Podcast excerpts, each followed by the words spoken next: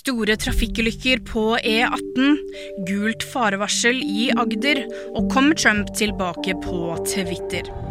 Det er skikkelig glatt flere steder i landet, og på E18 ved Stokke i Vestfold var flere biler og minst 28 personer involvert i to trafikkulykker i ettermiddag. Tre personer skal være alvorlig skadet, og politiet sier at man bør unngå helt å kjøre på E18 forbi Tønsberg fordi det er så glatt. Og vinterværet det gir seg ikke, for det er sendt ut gult farevarsel om snøfall i Agder fra mandag. Det er ventet å komme mellom 10 og 30 cm snø, og konsekvensene kan bli lengre reisetid og vanskelige kjøreforhold. Politiet ber alle sjåfører bruke riktige dekk og kjøre forsiktig. Trump inviteres tilbake på Twitter, det sa Elon Musk etter en avstemming der det ble et knapt flertall for hans tilbakekomst. Totalt så deltok 15 millioner mennesker, og rundt 52% stemte ja.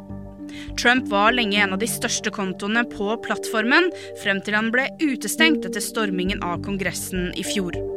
Men om han faktisk blir å se på Twitter, det er usikkert, for han skal ha sagt at han ikke har noe interesse av å komme tilbake. VG-nyhetene de fikk du av meg, Ida Aaberg Evensen.